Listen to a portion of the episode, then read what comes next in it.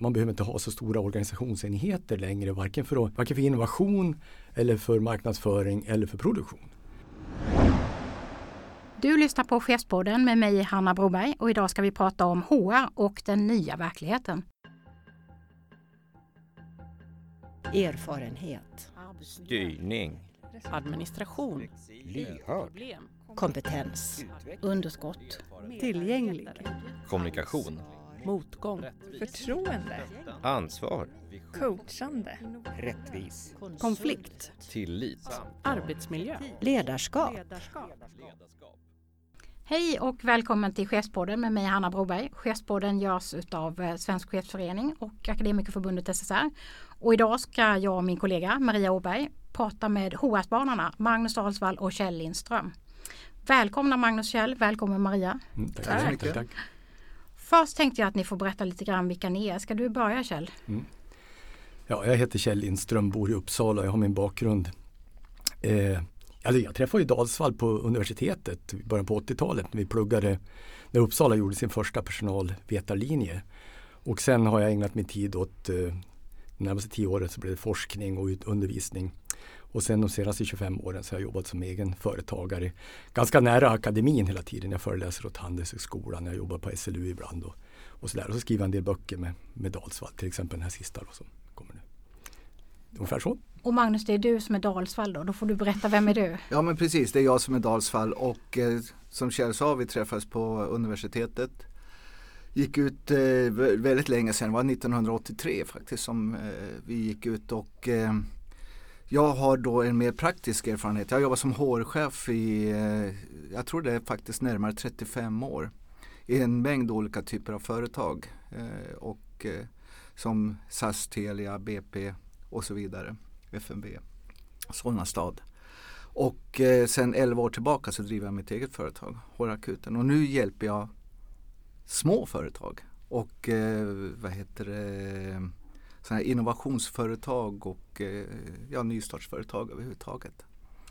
Spännande. Och Maria, du jobbar med eh, våra professioner som professionsombudsman. Berätta, vad, vad gör du? Bland annat eh, HR. Ja precis, jag jobbar med våra HR-medlemmar och våra beteendevetemedlemmar vilket innebär att jag egentligen ska ha koll på vad vill de ha ut av oss och jag ska ha koll på deras arbetsmarknad.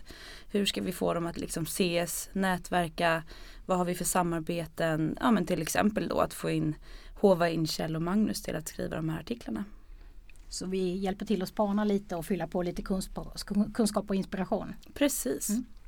Kul! Eh, jag tänkte att eh, vi skulle prata lite grann. Vi har utgått i den här podden ifrån en ny pocketbok och det är era eh, trendspaningar som har kommit ut i, pocket eller kommer ut i dagarna här. Eh, du får berätta lite grann om den boken Maria. Vad heter den nu? Ja, HR och den nya verkligheten heter den. Och den, vi valde att göra det här först då i artikelform och så blev det väldigt positiv feedback. Så då tänkte vi vi sätter ihop det till en skrift helt enkelt. Och så har vi ofta också haft några olika seminarium och, och liknande runt om i Sverige med, med Kjell och Magnus. Ehm, och det var ju ett sätt att få dels liksom vi- visa upp HR men också att prata och hitta diskussionsunderlag och till exempel kan man använda det till ett, under ett planeringsmöte som diskussionsunderlag just. Jag tycker det där är jättespännande. Vi har lite sådana böcker och det brukar vara uppskattat också. Jag brukar säga ibland att man ta, kan ta med den på en ledningsgrupp så behöver det inte alltid vara så operativa samtal utan kanske lite framtidstankar och så istället. Så de där delar vi ju ut. Det ska bli jättekul att se hur reaktionerna blir på det. Eh, jag tänkte nu, eh, Magnus och Kjell, eh, vi har en chefspodd. Eh, jag tänkte en av spaningarna är ju lite mer chefsperspektiv eller i alla fall ni, ni spanar att chefer kommer att försvinna, att det blir mindre organisationer, HR får en ny roll. Eh, vad är det som kommer att hända tror ni? Ja, det här börjar ju med en någon sorts organisationsspaning. Den första organisationen som fanns var ju när vi satt i Kalahariöknen runt lägereldar och bestämde hur vi ska göra saker och ting. Och sen när jordbrukssamhället kommer så blir det hierarkier och när industrialismen kommer så blir det linjestabsorganisationer. Och, och då i den typen av organisationer kan man säga att det, eh, chefer fanns ju inte i Kalahariöknen 250 000 år. Vi är rätt ovana vid, vid chefer som släkte. Utan de dyker upp på 1900-talet kan man säga. Och i hierarkin så blir de väldigt betydelsefulla. Och det vi ser nu, det som vi har diskuterat i flera av våra böcker, det är att organisationer är inte längre bara enkla hierarkier. Utan de är en blandning utav olika organisationsformer. Det är projekt och det är processer och det är standardiseringssystem som gör att i många fall har ju chefsrollen blivit mycket mer komplex idag. Och nästa steg är ju att, att vi kommer tillbaka till den frågan, men att, att vi ser att digitaliseringen driver organisationsfrågan framför sig. Och en, en del i digitaliseringen handlar ju om att man behöver inte ha så stora organisationsenheter längre, varken för, att in, för, för, var, varken för innovation eller för marknadsföring eller för produktion. Och det innebär att vi ser att det som väntar runt hörnet är ju en myriad av små organisationer. Ni får tänka när industrialismen bröt igenom så hade vi ganska få riktiga organisationer. Det var kyrkan och militären. Och det som industrialismen ledde till det var en myriad av nya organisationer när alla industrier växer fram. Och nu ser vi samma, samma fenomen komma igen. Och det betyder att antalet chefer kommer att minska. För i riktigt små organisationer så behövs det liksom inga chefer. Utan det är ledare och entreprenörer som driver de här. Så, så det var ju den tanken och, och, och då var det ju också våran tanke då när vi skrev artikeln att HR, eh, den 1900-tals HR eller HR sedan 1980-talet har ju baserat oerhört mycket av sitt sätt att nå ut i organisationen. Det är att gå via linjechefen. Och om det är så att vi går in i en organisatorisk framtid där de, de eh, linjecheferna helt enkelt blir färre. Då kommer HR att tvingas jobba på andra sätt för att nå ut i organisationen. Det var ungefär så vi sa. Det var ett, så, så det var liksom det resonemanget. Eh, och Magnus, den chefsrollen kanske vi ska säga något om? Ja, alltså chefsrollen har ju förändrats väldigt mycket också de här senaste decennierna. För i, början när man, man, sitter som chef i en, i en hierarki, kan peka med hela handen. Och eh, jag brukar dra den här jämförelsen när jag var personalchef på SAS. Det här är ju länge sedan, då, 1987. Då sa vi att när någon blev chef, kallade jag in honom på rummet, eller hon. Och sen sa nu blir du chef, då ska du veta en sak. 75 procent av din arbetstid ska gå till att coacha, utveckla din enhet och dina medarbetare. Högst 25 procent får du använda till administration eller produktion. Så sa vi 1987 eller upp, upp till 1990. Fråga cheferna idag hur det ser ut. Det är mm. precis i bästa fall tvärtom. I bästa fall. I bästa fall. Men vi bedömer cheferna som om de hade 75% och det är ju här vi måste ta tag i, och även från HR-sidan, se till att vi skapar mänskliga chefsroller. Chefen är ju faktiskt också människor. Den, är, den, klar, den, den, eh, den, den har en viktig, viktig arbetsuppgift helt enkelt. Mm. Och eh, man måste mäta dem och titta på dem utifrån de förutsättningar de har. Och inte bara skylla på chefen. Vi har ju träffat chefer som har 140 direktrapporterande på tre skift. Det är klart det inte går att vara bra chef då. Så mindre enheter som man kan ha översikt över också. Det är då du kan bli bra chef bland annat. Men ni var inne på både chefer och HR kommer få en lite ny roll. Men mm. vad, vad, kommer den nya HR-rollen vara i det här komplexa nya organisatoriska landskapet? Det här är en väldigt bra och väldigt svår fråga. Ja. Och eh, om ni minns eh, Ulrich, den gamle HR-gurun, så försökte han redan på 90-talet diskutera om hur HR, framtidens HR skulle organiseras och hitta inte något riktigt vettigt svar.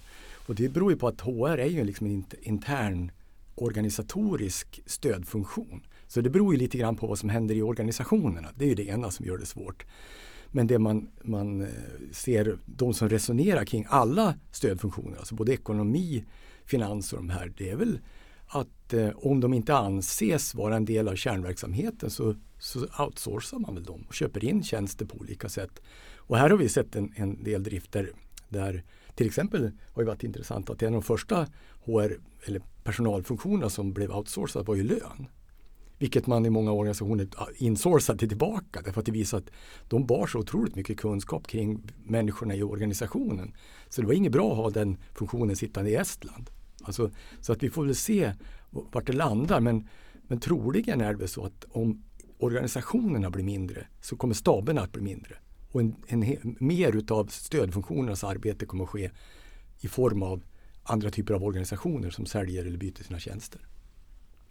Och, och, med det tänker jag, ni har i en annan spaning pratat om att HRs tid är nu. Det är väl liksom, det, det är ganska öppet då vad, vad liksom kommer att bli den här nya HR-rollen. Och, eh, det man ser då apropå eh, liksom er beskrivning av chefernas roll också att det är också väldigt pressade medarbetare, liksom tuffa eh, situationer i organisationer med hög personalomsättning ser vi ju ganska mycket i, i bland våra medlemmar. Eh, omorganisation och ständigt och jämt och, och ganska oattraktiv miljö och, och då får man ju fundera på Eh, vad kan HR göra då? Liksom? Eh, och ni, går, ni tittar tillbaka lite grann till ja, 30 år, 40 år mm, tillbaka mm. när det var ett mycket mer liksom, eh, människofokuserat arbete i organisationerna. Det utgick från när, att, att personalen var den tyngsta eller dyraste resursen som man skulle vara rädd om. Kommer det tillbaka? Liksom?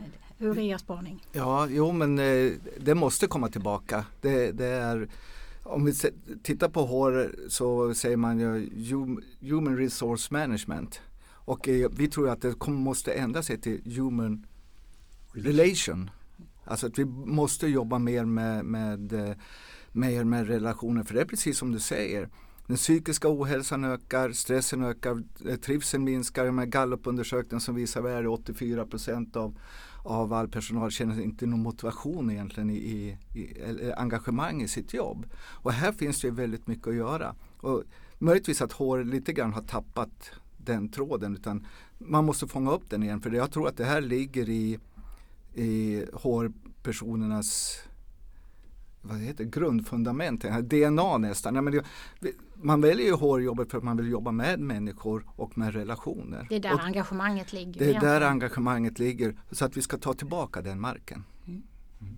Det finns en, ett fenomen som uppstår i de här lite komplexa organisationssystemen som vi pratar om. Som, som vi pratar om pressade chefer. Alltså jag tror vi har ett särskilt problem. Det är just pressade, särskilt mellanchefer.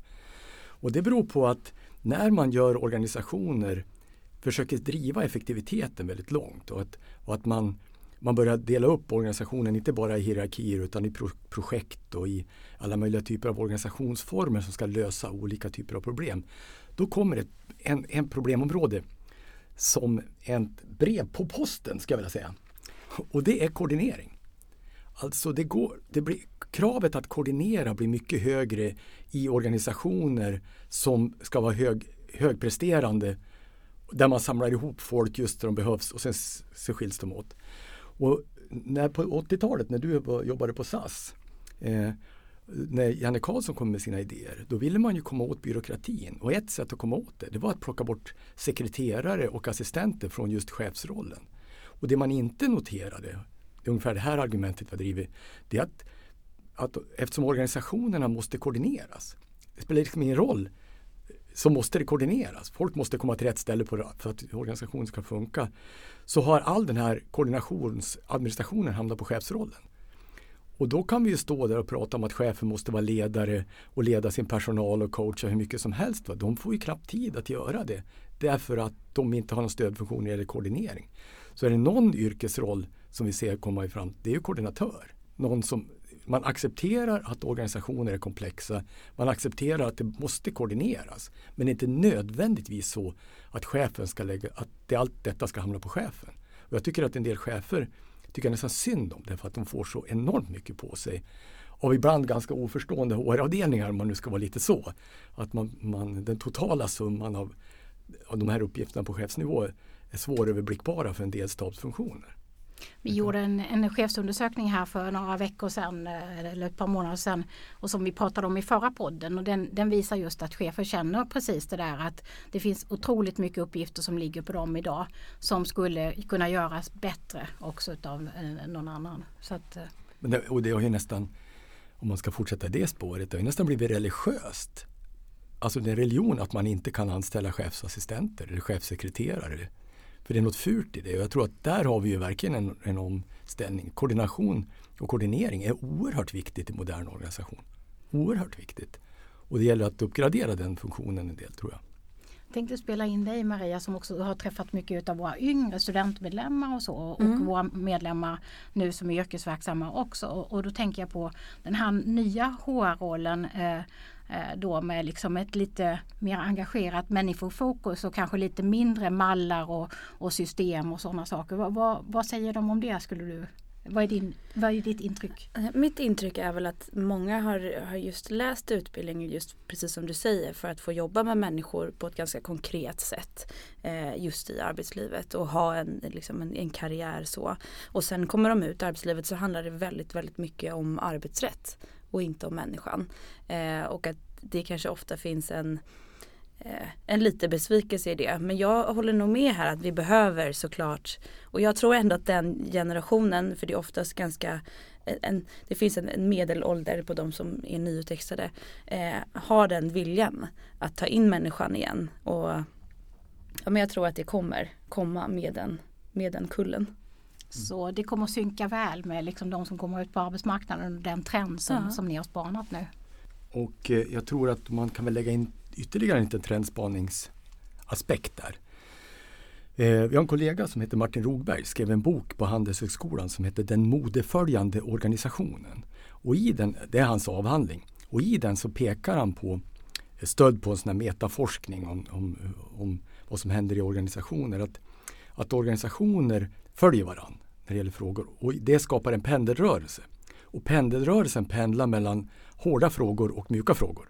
Så ibland, vissa tider så är det hårt, då är det processorientering, det är standardisering, det är kontroll och struktur. Och i andra tider så är det mycket mer mjuka frågor. Då är det motivation, arbetets betydelse och så. Och där kommer man fram till att det pendlar var 25 år. Alltså det har gjort så ända sedan 1800-talet. Så pendlar det på 25 års basis. Och någonstans 2015 så skulle det vända. Så att rent principiellt om man ska ta så har vi haft en 25-årig period där vi har fokuserat väldigt mycket på strukturer som lösning av organisationers problematik. Och nu börjar vi se att folk blir sjuka, chefsrollen håller på att kollapsa. Eh, om man tar i lite grann. Så det krävs något annat och då börjar man vända blicken återigen mot innovation, eh, arbetsmiljöfrågor, eh, chefsrollen och sånt där. Så jag tror vi kommer att se, se mycket mer av den typen av frågor därför att tiden är inne nu. Det är tajmingen som är riktig. Vi ser ju det även på de senaste två Nobelpristagarna i ekonomi. Mm. där de faktiskt drar fram de här mjuka värdena. Att vi måste titta beteendevetenskapligt också. Det går inte bara med system eller eh, metoder. Utan vi måste ta med människan i beaktande. Så att eh, vi har framtiden för oss. HR är viktigt.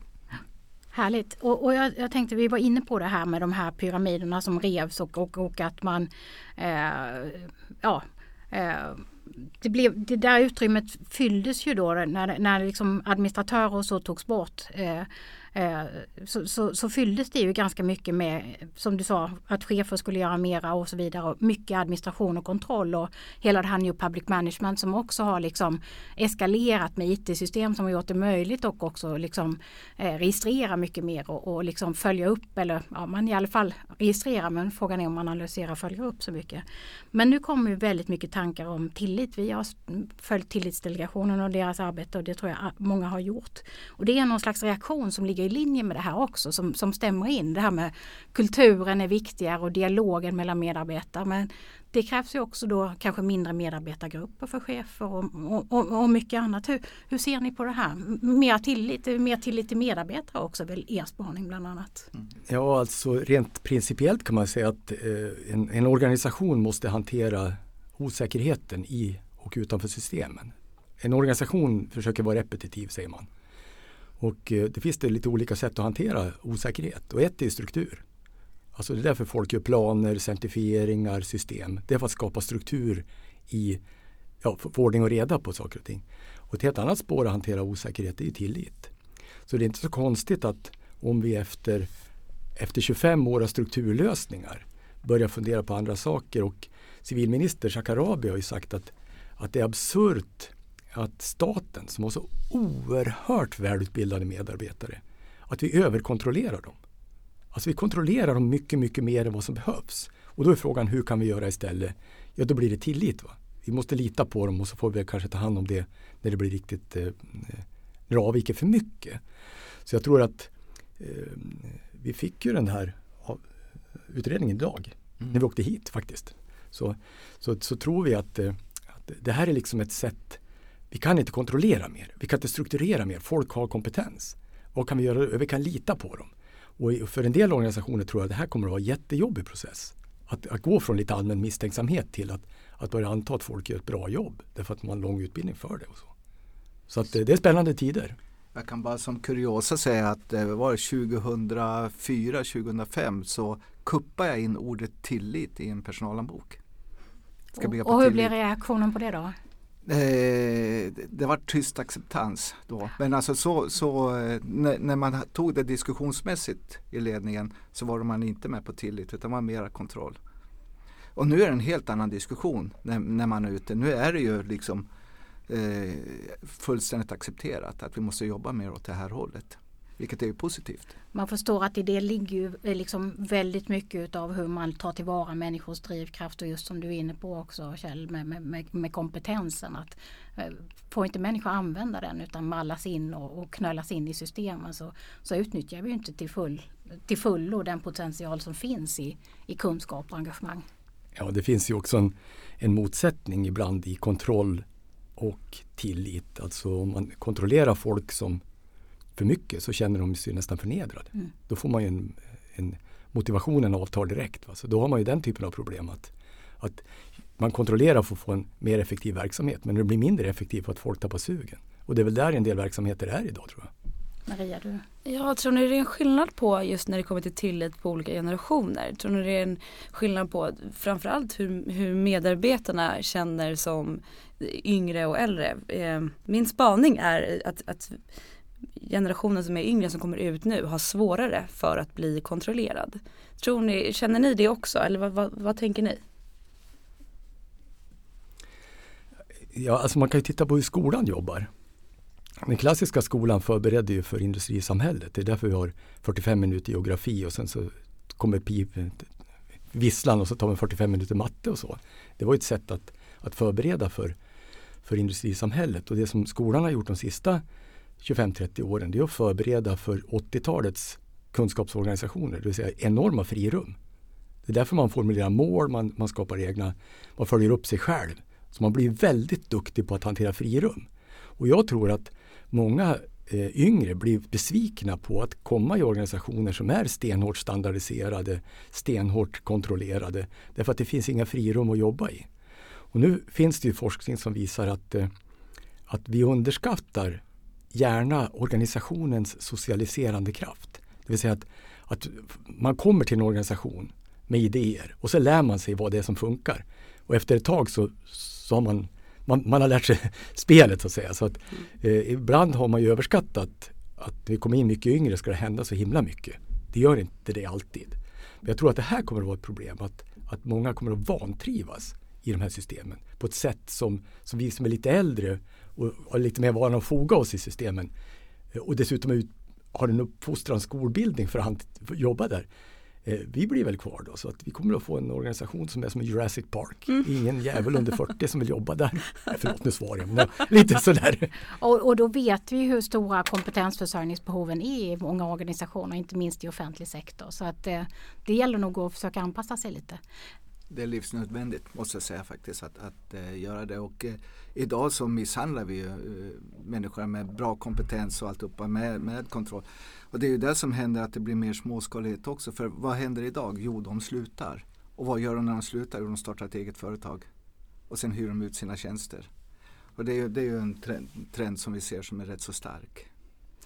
Jag tänkte att vi skulle spana på en trend som är så otroligt lite hypad och så och förväntningarna eller skräcken kring det är, är ganska stor åt båda håll så att säga. Och det är ju att alla pratar om digitaliseringen och vad, vad den kan innebära med robotar även i tjänstesektorn. Vad, vad, vad är er spaning? Vad kommer HR och, och hur kommer HR att hantera detta och vad, vad stöd i den processen? Det är en jättestor omställning. Mm. Vi, vi har olika uppfattningar där. Alltså inte motstridiga men vi tycker lite olika saker. Och det ena är ju att det är naturligtvis så att digitaliseringen kommer få en enorm effekt. Det är inte så. Men det som få pratar om det är ju alla steg på vägen dit. Alltså om man tittar på de amerikanska böckerna Big data will change the world as you know it och sådär. Så framhåller man ju ganska lite av, av det som kallas för implementeringsproblematik.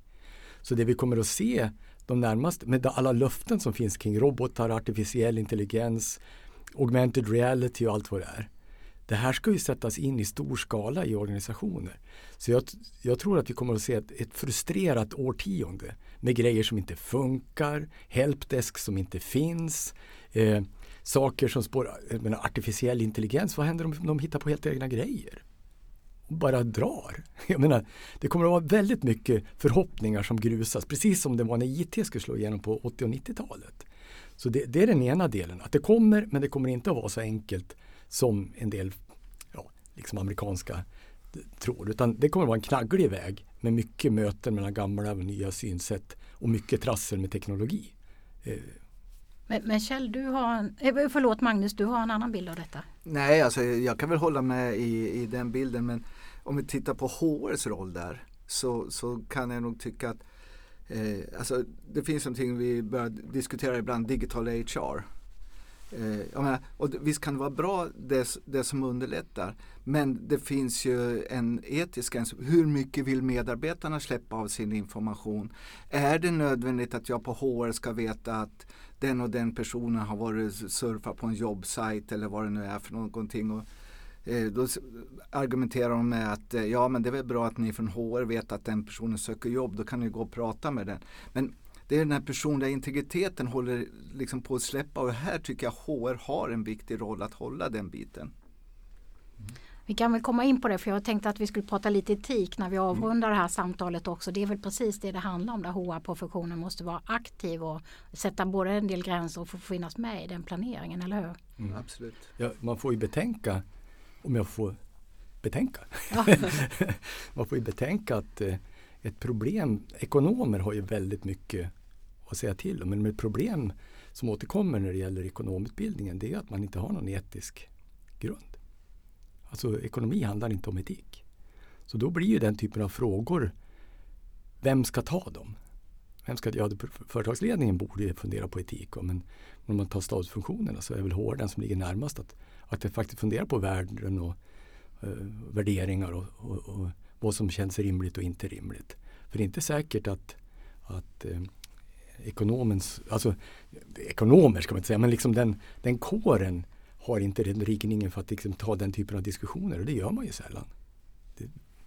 Så att det lämnas ju åt Ja. sidan. Vi kan väl komma tillbaka till det som Ja, ja. till, till en avrundning. Jag funderade lite grann på, på medarbetarens eh, roll också. Just att det har ändrats ganska mycket det här att man eh, trä, träffade chefen ganska sällan. Vi var inne på det här med medarbetarsamtal eh, eh, och medarbetarenkäter och allt de där, eh, det man riggade för. Och att de liksom lever kvar idag. Men att ni spanar ju lite grann att det på något sätt måste HR jobba annorlunda och, och att liksom det kanske är lite mer medarbetarstyrt utifrån behoven som medarbetaren har eh, av att liksom få eh, coachning, stämma av saker, eh, ja, diskutera sin kompetensutveckling och sådana saker. Det, det, det är ett lite nytt sätt att jobba. Och Maria, du, du sa också, ni har fått lite kritik från just den spaningen därför att Magnus och Kjell stack ut lite.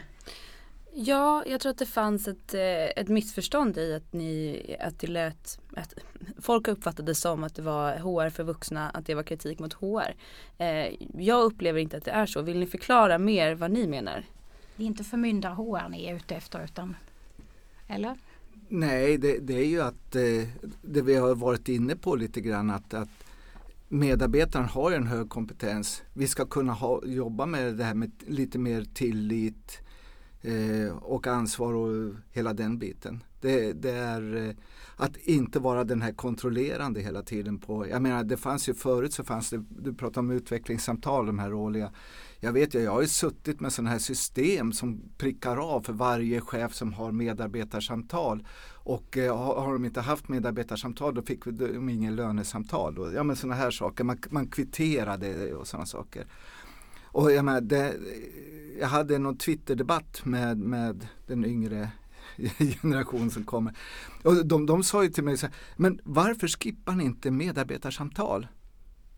Ja men det är ju så mossigt. Inte tänker jag sitta och vänta ett år på att få samtala med chefen. Jag vill ha liksom mer, mer kontinuerliga samtal. Och nu börjar det ju införas. Så jag har själv bland annat idag på ett IT-företag tagit bort det här medarbetarsamtalet och infört den här så kallade agila samtal. Mm. Alltså en gång i månaden så sitter man, här har de tagit fram sju olika frågor som medarbetaren ska svara på. Och då fångar man ju upp precis signalerna hur det står till i organisationen, hur folk mår och hela den här biten.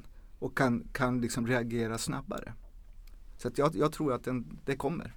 Mm. Jag tänker att ni också, egentligen menar ju också ni att HR också ska behandlas som vuxna och att de också har den kompetensen. Eller hur? Det är liksom den ni Absolut. sprider. De vuxna arbetsplatserna. Ja. Ja, nej men alltså HR, är, jag, tycker att det, HR, har en avgörande betydelse för, för organisation och företagsutveckling. Alltså. Precis. Absolut. Eh, Och då, tänkte jag, vi ska göra nu en ny chefs och ledarskapsetik och det finns ju i förbundet en kod för, för HR-etiken.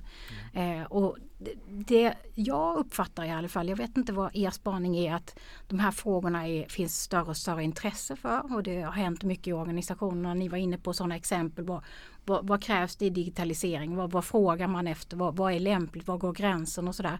Men att det ändå finns ganska lite plats för. Eh, vi ska jobba med Erika Falkenström som ju har skrivit eh, Vårdchefens etiska dilemma och pratar om etisk kompetens och också liksom plats, organisatorisk plats för etiska frågor och, och diskussioner och, och dilemman. Vad, vad är er liksom spaning?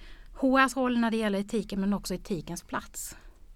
Alltså etik är ganska svårt. Det är ganska svårt på riktigt. Det är ju väldigt eh, personbundet och det är väldigt tidsbundet och så. Så på ett sätt kan man ju förstå att etikfrågorna har svårt att få plats därför att de är, ibland är väldigt svåra att formulera och väldigt svåra att hitta lösningar på. Men det hindrar ju inte att de är viktiga alls. Och om vi tittar på de här organisationslandskapen som växer fram nu så det är ju klart att, att förhållningssätt till varandra, förhållningssätt till samverkanspartners som jobbar i andra organisationer, det kommer att bli oerhört viktigt. Så på det sättet kan man säga att behovet av en etisk diskussion, helst driven av HR, för att ta plats och slippa hålla på med arbetsrätt, alltså liksom flytta positionerna och säga att de här frågorna är oerhört viktiga och vi är beredda att driva den typen av frågor. Eh, och jag tycker det är bra att Erika skriver, skriver kring det här och det är flera som har gjort det för att ge lite handgrepp. Hur, hur tar man upp den här typen av diskussioner och vad ska det leda till? För det, det, det här är svårt på riktigt skulle jag säga. Det är, en, det är en knepig del av HR, det är etik. Därför att den är som den är. Och Magnus, vad är din erfarenhet som har haft många olika HR-chefsroller? Vad, vad, vad, vad har HR för roll i etikdiskussionerna på en organisation och arbetsplats? Om jag tittar historiskt tillbaka så har de nog haft en liten undanskymd roll eh, tyvärr i det här. Eh, var inte du med och tog fram en etikbroschyr också från, eh, nej? Ja, Sveriges HR-förening skrev en rapport eh, någonstans vid sekelskiftet. Någonstans vid sekelskiftet vi tittade, jag och professor Hans De Geer tittade på framtidens HR, etiska frågor i, i, i HR och försökte resonera kring vad händer när organisationer blir mer och mer upplösta och sådär. Men det var ju inte direkt någon handbok, det kan jag Nej, inte säga, men nej. det pekar mer ut problemområden. Och sen vet jag att jag har använt mig av den skriften ni har. Eh, faktiskt. kod ja, Ja. för HR. Mm. Eh, so- som jag tycker är bra. Men det diskuteras tyvärr alldeles för lite av det här. Eh, och jag kan ju tänka mig också att det beror på att HR-avdelningar i regel är relativt underbemannade. Alltså, de går, det är brandkårsutryckningar hela tiden så att då faller det här tyvärr eh, bort. Eh, och jag tror ju, eller vi tror ju på framtiden att HR kommer att öka. För att avlasta cheferna och eh, för att kunna ta tag i de här väsentliga frågorna om, eh, etik och mångfald och tillit och hela de här bitarna så behöver den, den HR förstärkas. Jag, tänker lite grann på, man ska ju inte ta kollegors exempel, men det här var bra. Eh, Magnus jobbar ju en hel del med, med små entreprenörsföretag. Och där fick du kommentaren att de som lyckas, det är de som tar in HR-frågor tidigt i processen. Alltså det är ingenting man kan vänta med till det börjar rulla utan man måste in tidigt med den här typen av frågor. Vad nu HR är då. Så. Så om vi, om vi summerar lite grann, eh, eh, tio spännande spaningar i den här lilla pocketen som, som ni har tagit fram tillsammans med Akademikerförbundet SSR. Och där det liksom pekas på flera viktiga skiften och där HR kommer ha en väldigt betydelsefull roll. Ska du säga någonting Maria om, om boken? Hur kan, hur kan man få den här? Hur kan man vara aktiv i det här samtalet och, och ta del av spaningarna? Ja, eh, den kommer släppas den 20 september och då kommer den gå att beställa på vår hemsida akademssr.se. Med det säger jag tack till dig Maria. Tack till Kjell och Magnus. Tack så mycket. Tack så mycket. Kul att Och vara här. ja, jättekul att ni kom och eh, vi hörs i Chefspodden igen om ett par veckor. Hej då!